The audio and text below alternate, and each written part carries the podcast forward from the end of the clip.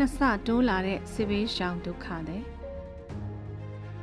ဆီယနာသိမ်းပြီးနောက်တစ်နှစ်အကြာမှာမြန်မာနိုင်ငံမှာတိုက်ပွဲတွေကြောင့်နေရစွန်ခွာတိမ်းရှောင်ရတဲ့ဒုက္ခတွေနှစ်ဆတိုးလာတယ်လို့ကုလသမဂ္ဂဒုက္ခသည်ဆိုင်ရာမဟာမင်းကြီးယုံကထုတ်ပြန်လိုက်ပါတယ်။ဆီယနာမသိမ်းမီက3သိန်း9000ခန့်ရှိတဲ့စစ်ဘေးရှောင်တွေရေအတွက်ဟာအခုတစ်နှစ်ကြာတဲ့အချိန်မှာနောက်ထပ်၄သိန်းကျော်တိုးလာခဲ့ပြီး၈သိန်းကျော်သွားပြီဖြစ်ပါတယ်။ဆီယနာသိမ်းမှု စစ်တပ်ကအာဏာကိုထိန်းချုပ်ထားလိုမှုတွေက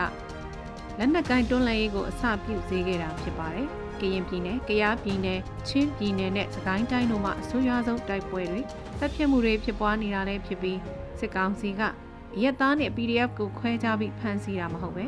ကြေးရွာတွေမှာလူငယ်တွေဆိုအားလုံးကို PDF လို့ယူဆတာနေအိမ်တွေကပစ္စည်းတွေလူယူတာမစင်မချင်းတပ်ဖြတ်မှုတွေက မိမိတို့နေရက်ကြေးရွာနဲ့မြို့တွေပါစုံခွာပြေးရတဲ့အခြေအနေတွေဖြစ်လာနေတာပါထန်တလန်မြို့လို့လိုင်းကုန်းမြို့လို့မြို့တွေကစုံခွာရတဲ့အဖြစ်အပျက်တွေဟာမြန်မာနိုင်ငံမှာဆယ်စုနှစ်80အတွင်းတစ်ကြိမ်အနေအထားနဲ့ဖြစ်ပွားတာမျိုးဖြစ်ပါတယ်ခုဆီယနာသိမ်းမှုတွေမတိုင်ခင်ကရှိနေခဲ့တဲ့နေရက်စုံခွာတိမ်းရှောင်သူတွေဟာကချင်ပြည်နယ်ရှမ်းမြောက်နဲ့ကရင်ပြည်နယ်ကယားပြည်နယ်တို့မှာဆယ်စုနှစ်နှစ်ခုသုံးခုအတွင်းဖြစ်ပျက်တဲ့တိုက်ပွဲတွေရဲ့အကျိုးဆက်ဖြစ်ပြီး ခုနောက်ထပ်တဆသောစစ်ဘေးရှောင်တွေက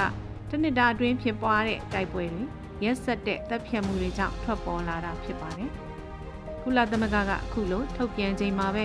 နေ့စဉ်သတင်းတွေထဲကြားနေရတဲ့ကြေးရွာကလူနေအိမ်မီးရှို့မှုအယက်သားတပ်ဖြတ်မှုတွေဇက်တိုက်ဖြစ်ပွားနေခဲ့တာပါ။ဒီမော့ဆိုမှာကြေးရွာတစ်ခုကိုစစ်ကောင်စီတပ်တွေဝင်ပြီးနောက်အယက်သားနှစ်ဦးရဲ့အလောင်းတွေမီးရှို့ထားတာတွေ့ရတယ်ဆိုတဲ့သတင်း စကိုင်းတိုင်းဒဇယ်မြို့နယ်ကကြေးရွာတွေမှာလူနေအိမ်တွေရာနဲ့ချီမီးရှို့ခံရတယ်ဆိုတဲ့သတင်းတွေဒီနေ့သတင်းနဲ့ဖတ်ရှုရပါတယ်။လူသက်တွေဆုံးရှုံးနေတဲ့သတင်းတွေနေ့စဉ်လိုလိုဖတ်ရှုနေကြရလို့လူရည်အတွက်တချို့သေဆုံးသွားတဲ့သတင်းတွေကထူးခြားတဲ့သတင်းတောင်မဟုတ်တော့သလိုဖြစ်လာနေတာလည်းဖြစ်ပါတယ်။ခုလိုအသက်ဆုံးရှုံးနေကြရတဲ့သတင်းတွေကိုနေ့စဉ်ဖော်ပြနေကြရတဲ့သတင်းတောက်တွေဖို့လဲကြားရှည်လာတဲ့အခါစိတ်ဒဏ်ရာရနိုင်တာဖြစ်နိုင်ပါတယ်။ဖြစ်ပျက်ကိုမျက်စိနဲ့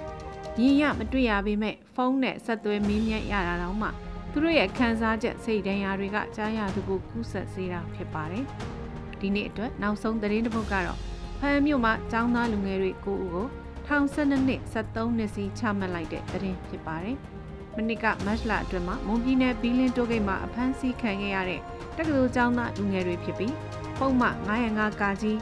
ရာဇသက်ကြီး124ကငယ်တို့အပြင်တွင်ကုံထုတ်ကုံပုံမှန်နဲ့ပါဆွဲဆိုအပြစ်ပေးခဲ့တာဖြစ်ပါလို့ရှင်။